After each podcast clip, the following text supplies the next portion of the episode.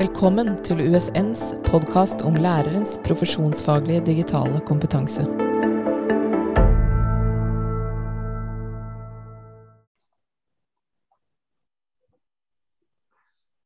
Velkommen til podkast om skoleutvikling og teknologi.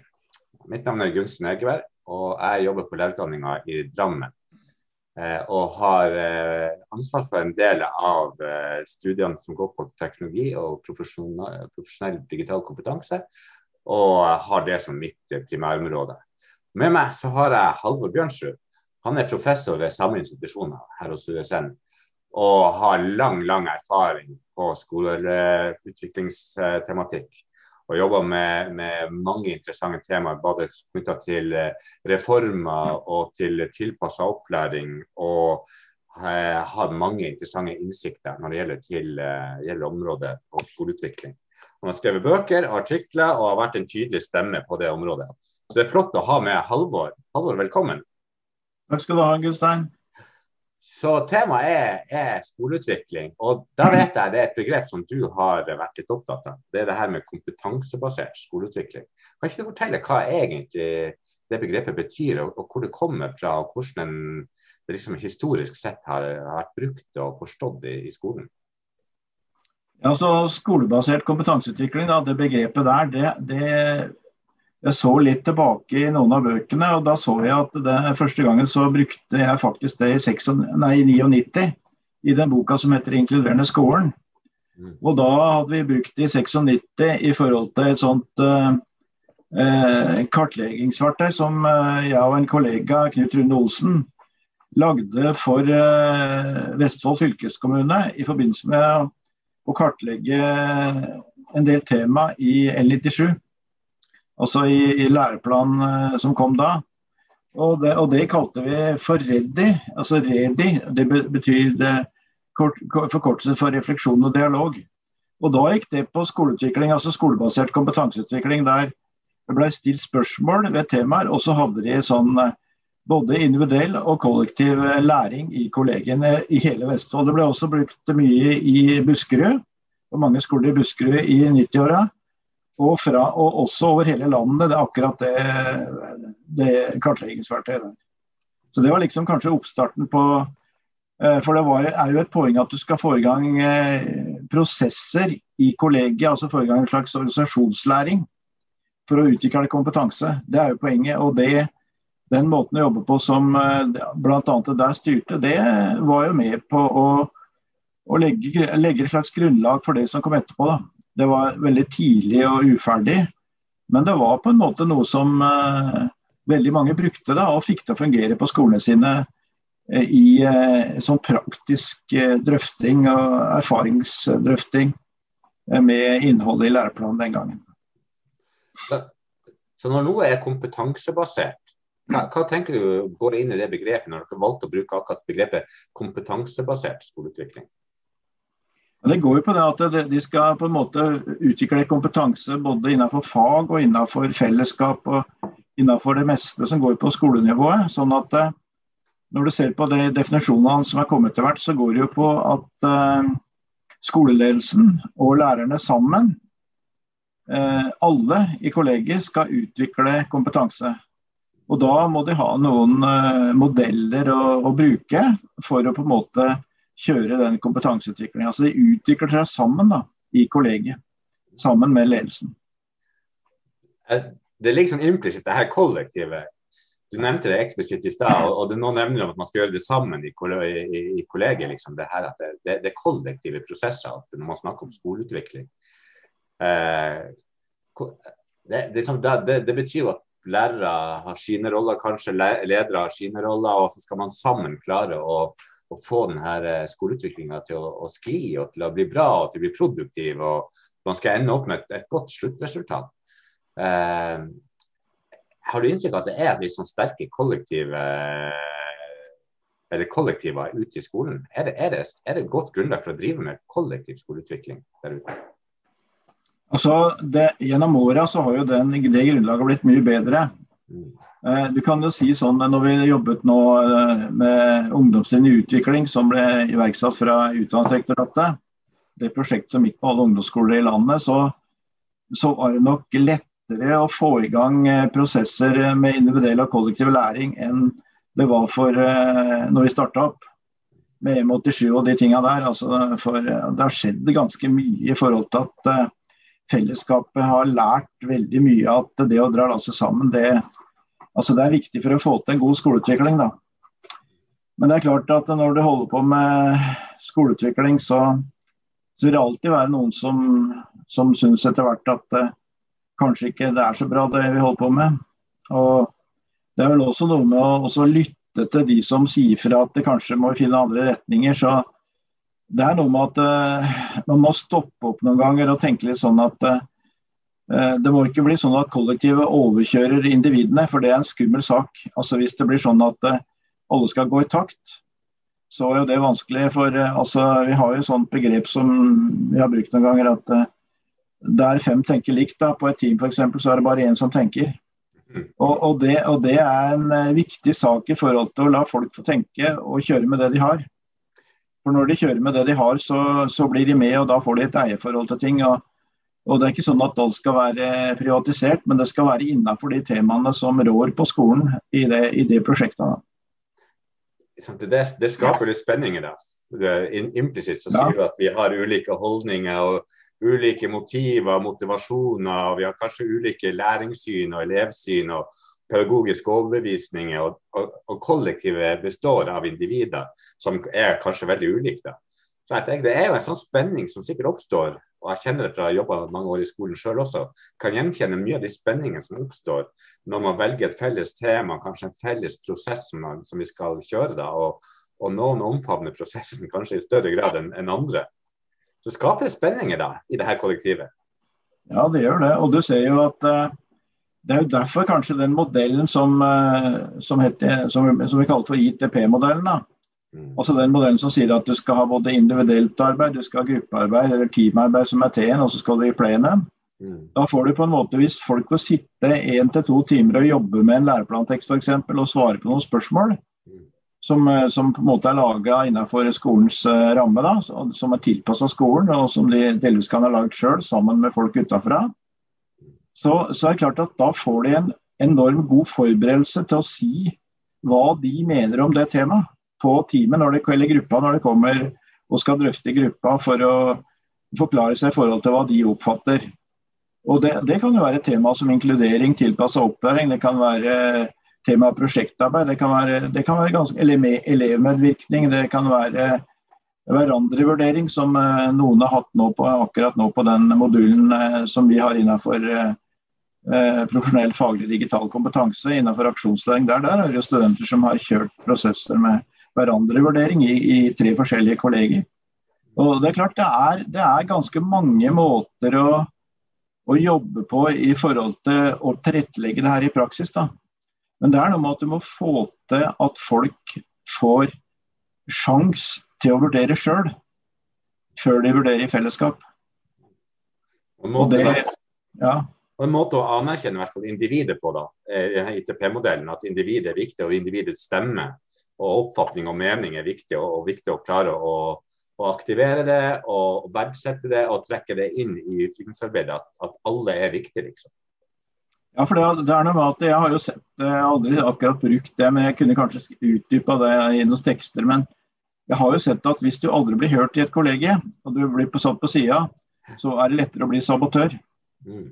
Altså Hvis du aldri blir hørt, så, så, er, det, så er på en måte altså din, din, Du er verdiløs så, så, er det ikke lett å, å delta i kollektivet. Altså.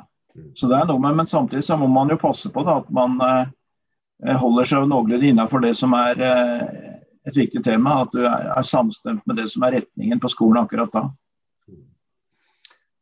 Så, så min erfaring er at, at sånne uh, skoleprosjekter ofte initieres av ledelsen eller kanskje av, av skoleeier. At det kommer ovenfra.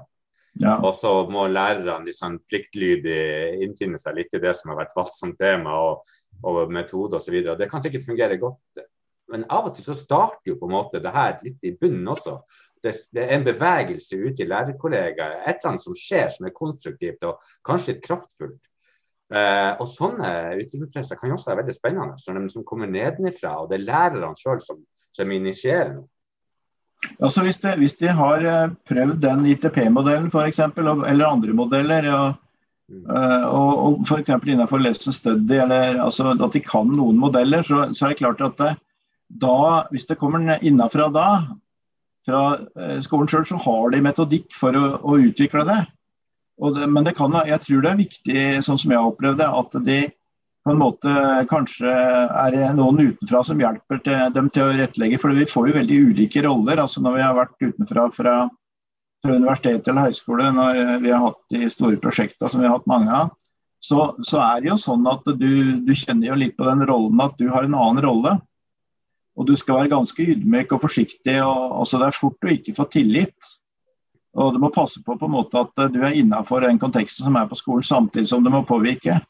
Men det er klart, det er, det er noe med at eh, når det kommer innafra, så, så, kan det også oppstå ting. Og jeg har jo opplevd det. Altså, for det er jo ulike forståelser i et kollegium uansett om det kommer innafra. Det er nok avhengig av at det, det, er lettere å kanskje ta det innafra når skolen er litt vant til å jobbe med prosjekter, og at de har et, eh, en forståelse at dette flytter dem eh, alle sammen, og det hjelper til å få bedre kompetanse for å tilrettelegge for bedre læring for elevene. Og det, og det har vi jo sett. Altså, de gode skolene de har jo modeller. Og eh, noen ganger så må jeg jo si f.eks. vi var på Slemstad ungdomsskole i, eh, i ungdomstrinn i utvikling. og Da skrev vi også en, jeg og Elisabeth Stensholm skrev en artikkel sammen med rektor der og inspektør.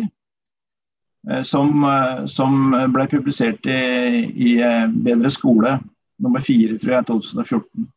Og Det viser jo en skole som, er, som, var oppegående og som det var lett å jobbe med. Fordi at de kunne veldig mye fra før i forhold til prosesser. Så der, der er det ikke godt å si hvem som lærte mest. Altså det, det er noe med at du får mye tilbake når du er inne på gode skoler som også kan overføre til skoler som ikke har kommet dit. Da. Og det, akkurat den artikkelen i Bedre skole der tror jeg synliggjør veldig godt at Eh, skoler har, eh, noen skoler har veldig gode eh, modeller for å jobbe. Altså.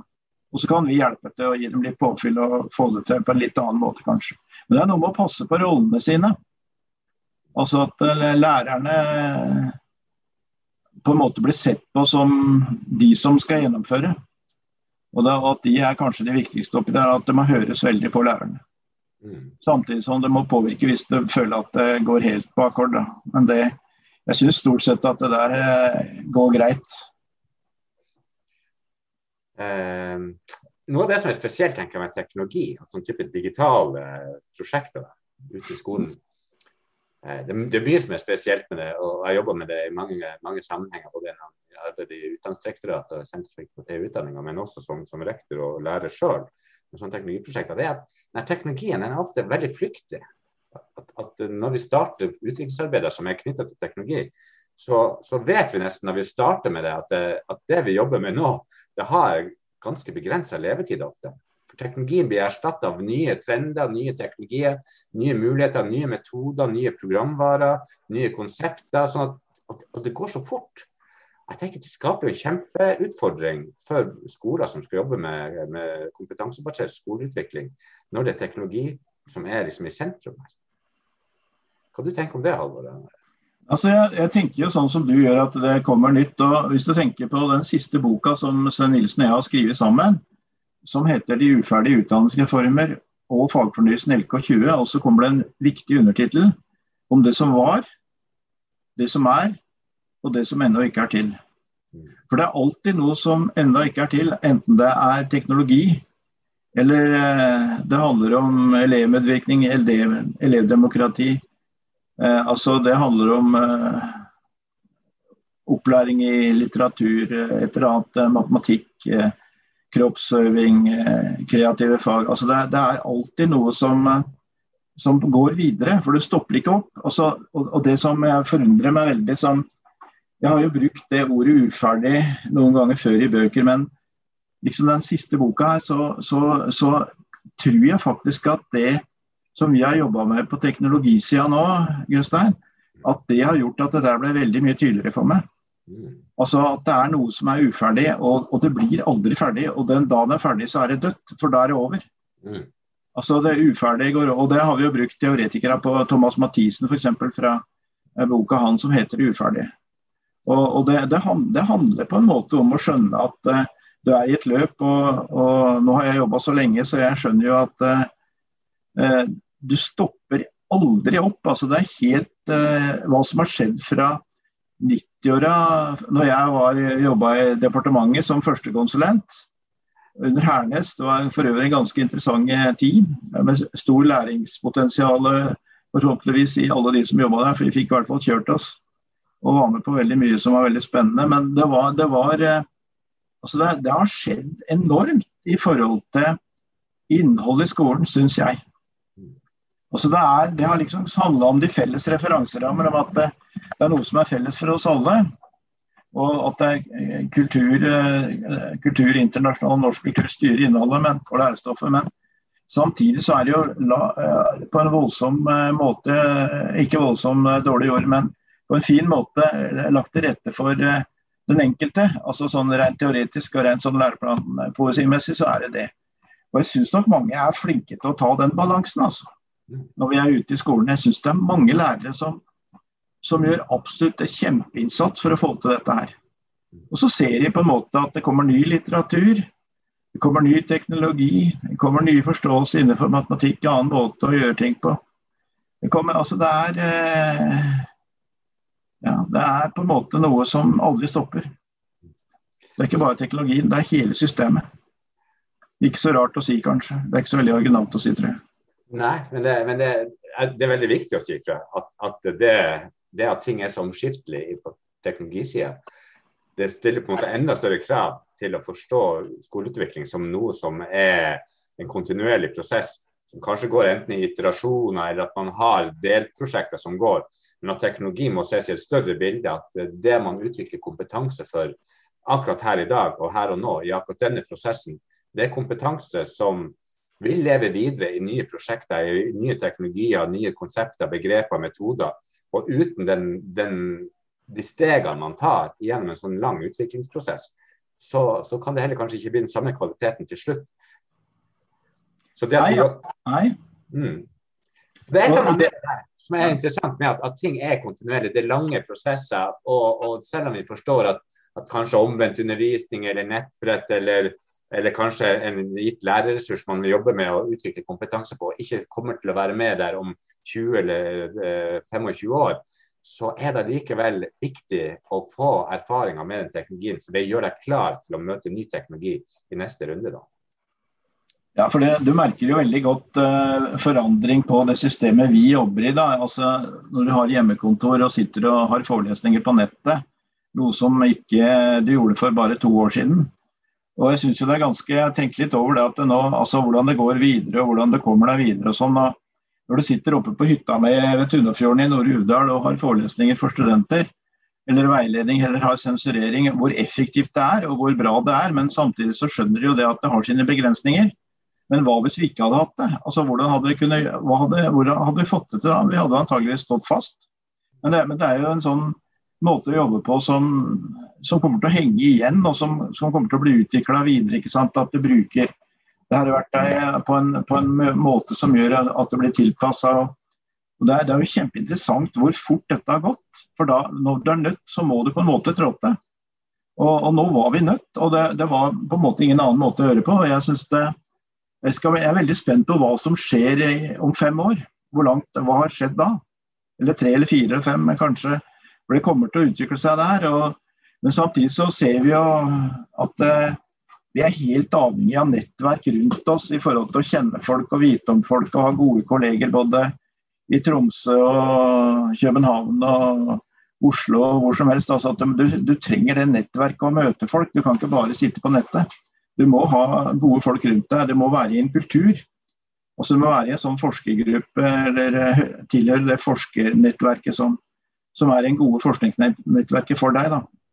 Mm. Altså det, det, er noe der og som også gjør at du får en forståelse av at, eh, at det å se folk, det er kjempeviktig, selv om du har disse verktøyene. Å møte folk. tenker også en annen ting, da Vi snakker om det kollektive i stad. Ja. Og, og, Det som kjennetegner mange av de teknologiprosjektene, teknologibruk i skolen, det er at det er veldig sånn ildsjeldrevet. Og Det kan man sikkert kjenne fra andre deler av skolen også, at, at en del ting blir drevet av spesielt interesserte lærere, eller som kanskje har en spesiell kompetanse eller bakgrunn. Da, men at det er en sånn her ildsjeldimensjonen som er viktig i, i, teknologien. Og Det har vært kritisert fordi at man kanskje får privatisert praksis, og det er vanskelig å, for skolen å trekke veksler på det de her superlærerne gjør. da på den ene sida. Og så har man også på den andre sida sagt at ja, det kan være nyttig at noen løper litt foran og, og baner vei, og, og, kanskje da inspirere og motivere andre til å følge etter. Ut fra de to perspektivene, hva, hva tenker du om de to? Nei, altså Jeg ser, jeg har jo sett eh, jeg tror altså, Du kan gå langt tilbake i tid. Jeg tror det var, jeg hadde jo en, eh, en professor, Bjarne Bjørndal, som veileda meg på masteroppgave for øvrig om lesebøkene i Norge. Men, men han, også, han, jeg var med han på et prosjekt etterpå om teamarbeid i skolen. Og da, og da dukka det allerede det her opp tidlig i nei, jo, tidlig 90-åra og på slutten av 80-åra.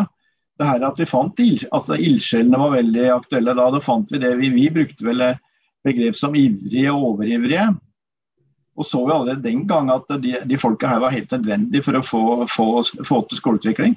Altså for at det var noen som støtta ledelsen. og Kanskje også ledelsen syntes at de gikk for langt. For det var, det var jo kanskje litt sånn at uh, disse folka var uh, under utdanning, eller altså det var folk som var fyrtårn på skolen.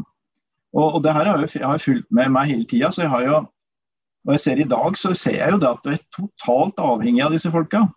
Det som er skummelt, er at hvis noen av dem blir rektorer og fortsetter å være overivrige, som vi kaller der, og på en måte overkjøre personalene For det ser vi jo at det er noen rektorer som på en måte går litt løs inne i skogen og ser ikke slettene for eh, altså Personalet ligger og tørster etter vann på slettene, og så går de sjøl inn i skogen og, og, skal finne veien. og Det blir litt voldsomt. Altså, du har, du har noen som på en måte er så overivrige at de mister bakkekontakt. Men det er, ikke, det er, ikke, noe stort problem. Men jeg nevner det fordi jeg har sett det noen ganger.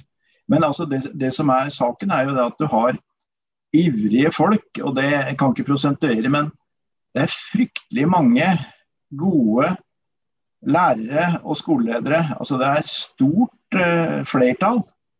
Altså det er kjempemange som, som, vil. Og den gruppa er stor. Og den er blitt større ettersom året har gått, har jeg opplevd. Det er ikke så mange lenger som uh, snakker om, uh, om at, ikke, at, vi ikke kan få til ting. Altså det, det, som er problemet nå, syns jeg er jo at lærerne ikke blir ålreit behandla av staten i forhold til f.eks. For lønn. Det, det, må være lov til å si på et sånt intervju. Altså Det skaper jo motstand at uh, i forhold til at uh, på en måte du blir ikke verdsatt i jobben. Sånn, sånn tror jeg veldig, eller jeg vet, jeg har snakka med så mange som sier at du føler seg ikke verdsatt. Og, og det, det, burde man kanskje tenke over, for det er faktisk snakk om at uh, det kan bli litt uh, høy lærermangel om noen år. Så hvis man skal bevare de, den gode utviklinga som har vært, og ikke gå i grøft der du på en måte kanskje får inn flere ufaglærte, så, så, så, er det etter mitt skjønn veldig viktig å tenke ta vare på læreren. Altså både på arbeidsbetingelser og lønn. Og det, det, det, er viktig for meg å kunne si, tror jeg, i til, også i forhold til skoleutvikling. For Det henger litt sammen, det at du, at du blir verdsatt og at du føler at den jobben du gjør er for samfunnet og for de elevene du har, og for hele nærmiljøet, på en måte. Det, det, det, jeg er veldig enig. i Ja. Veldig enig. Det, er gode ord. Eh, jeg tenker litt på en skole da, som, eh, som er god på, på skoleutvikling. På, på, en måte Å få de her kollektivene til å være produktive og i spill og få konstruktive utviklingsprosesser. Hva, hva er det som kjennetegner sånne skoler som, eh, som er gode på skoleutvikling? Så Der har vi jo masse forskning som på en måte de siste og senere åra, også fra tidligere. Altså Det som er viktig, er at du har ledere som er oppegående. Men som skjønner at det ikke er kongen på haugen, for å bruke et folkelig uttrykk. Altså de må, de må på en måte ha en slags demokratisk rolle i forhold til at det blir dialoger, og at folk får delta med sine refleksjoner, som vi har snakka om til å begynne med. Og at du på en måte lager, eh, tilrettelegger for eh, en slags eh, god demokratisk gjennomføring av en prosess. Men samtidig så må du kunne lede. Det må kunne f.eks. En, en gruppe eller noen må kunne kanskje si noe om hvilken retning det skal ta. altså At du kan velge tema, sånn som det f.eks. var under eh, ungdomstrinn utvikling. Da man hadde klasseledelse veldig høyt. Også, det var en av de temaene som er viktige, og det er et kjempeviktig tema. og Innenfor klasseledelse kan du velge utrolig mange ting. Sånn at eh, det fungerte, Den gang fungerte det veldig fint, men altså ledelsen eh, Når vi var ute på Slemstad, så så vi jo veldig godt hva en ledelse betyr. Eh, og vi har vært på andre skoler som vi har kjørt som viser det akkurat samme andre veien, at det er folk som ikke fungerer. Altså det står jo i den boka som vi redigerte fra universitetet hos oss, som heter 'Skolebasert kompetanseutvikling', så står det jo helt tydelig at det er skoleledere som ikke fungerer. Eh, også skoleeiere som ikke skjønner hva de er med på. Altså De prioriterer ikke. Eh, det er ikke mange, men det er noen. Og det er noen som har veldig dårlig kompetanse av dem for å drive skoleutvikling. Mens på noen steder som på en måte det blir prioritert, så går det jo fortere. De har veiledere rundt seg kommunal vei, veiledning. De har på en måte litt større kommuner som har det, så fungerer det der eh, Altså en veiledningstjeneste med kompetente folk, gjerne med mastergrader, innenfor utdannelsesledelse eller andre, andre, ting, det betyr en del i forhold til folketing. Men det betyr aller mest, tror jeg, at du har rektorer og lærere som vil. At du har en kultur på skolen som er en slags delingskultur, som gjør at eh, at folk er vant til å dele og tør å dele uten at det blir eh, kritisert for hardt for det. Det er greit at du må tåle litt tilbakemeldinger, men, men ikke sånn at det blir ufine ting. At det ikke, at ikke er for mye, altså at korridorpolitikken er lagt død. da. At det er mindre, altså det er åpent om hva som skjer i, i det pedagogiske landskapet. Det der er noen balanseganger som er vanskelige, men det er ledelsen og, og lærernes kultur sammen som er det viktigste for å få til det. I det her så er det jo noe også med å ha eh, kompetanse og kapasitet og utholdenhet til å stå i utviklingsprosjekter over tid. Altså at man eh, ikke gir opp for fort, eller at man hopper av prosjekter og begynner på noe nytt før man liksom har fått planta prosjektet grundig. Jeg vet Kollegaen din Tom Tiller oppe i Tromsø han brukte begrepet kenguruskolen om akkurat det her, om de her skolene som er nysgjerrig og, og starter utviklingsprosjekter, men kanskje ikke klarer å, å ferdigstille dem før de hopper på noe nytt. Hva tenker du om, om også det? Altså jeg tror Den gangen Tom Tiller skrev den boka, 'Kenguruskolen', så var det veldig relevant å si fra. Mm. Og Det var jo tema som uh, var viktig den gangen. Men, og det, jeg tror det fremdeles er viktig at det ikke skal være for mye kenguru. Men jeg syns jo det, når vi har hatt de prosjekta vi har kjørt, så har det jo vært andre ting ved siden av. For det er jo aldri, det er aldri ett prosjekt alene som kan være med i en skole. Men, men det, handler, om at, eh, at, eh, du må ikke ta på deg for mye. altså Du må, du må prøve å være sånn noenlunde realistisk i forhold til hvor mange prosjekter kan du ta. Og så kan du kanskje ha et hovedprosjekt. og Det som vi har gjort ofte, og som nesten, ja, det er nesten alltid, tror jeg, det at vi går inn i noe som er høyaktuelt på skolen. Mm. Og så, så, går vi videre på det og får fram hva er det viktig her nå. Og da unngår du litt den kenguruen, for da går de videre på noe som de allerede, allerede jobber med. Men altså det kenguruvarselet, det må blinke. For altså, hvis du får inn for mye kenguru, så, så er det alvorlig, sånn som Tom Tiller skrev den gangen. Tusen takk, Halvor. Jeg tror jeg runder av eh, om skoleutvikling her. Jeg synes Det har vært en veldig interessant og nyttig diskusjon. og Jeg synes du er flink til å bruke folkelige og, og, og, vanlige menneskers ord på ting som av og til kan bli veldig teoretisk og, og høytflyvende. Så eh, takk for at du har delt eh, erfaring og innsikt og kompetanse med oss. Og så eh, ses vi igjen kanskje senere i en annen podkast. Ja, det var hyggelig å snakke med deg, Jostein. Takk skal du ha for at jeg fikk lov til å være med. Thank you.